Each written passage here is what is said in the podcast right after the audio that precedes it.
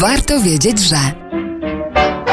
Warto wiedzieć, co ma wspólnego brzechwa z bełtem, bo przecież masz nadto wiele. Gdyby zapytać przeciętnego Polaka, z czym kojarzy mu się brzechwa, odpowie bez wahania. Poeta, autor wierszy dla dzieci, które każdy słyszał, a wielu zna na pamięć i śpiewa nawet. Bełt to niekoniecznie najlepsze skojarzenia. Słownikowo bełt oznacza szum, plusk wody, ale w niektórych regionach bełtem nazywa się po prostu tanie wino, a raczej produkt winopodobny jedynie. Czyżby Brzechwa pił w nadmiarze bełty? Boże uchowaj. Nic mi na ten temat nie wiadomo, bo też i sprawdzać tego nie zamierzam.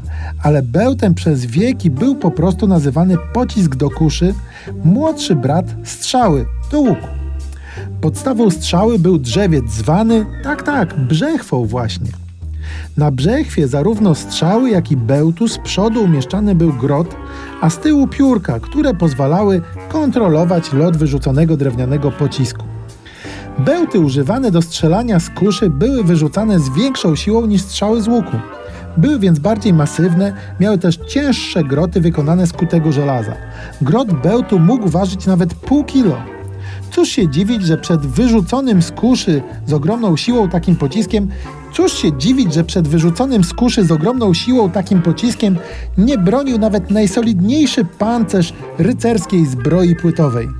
Ze względu na masę pocisku, piórka w bełtach kurz z tyłu były czasami zastępowane nawet przez cieniutkie deseczki. Cóż dodać, cóż ująć. Warto pamiętać, że brzechwa z bełtem to niekoniecznie zestawienie artysty z wyskokowym napitkiem.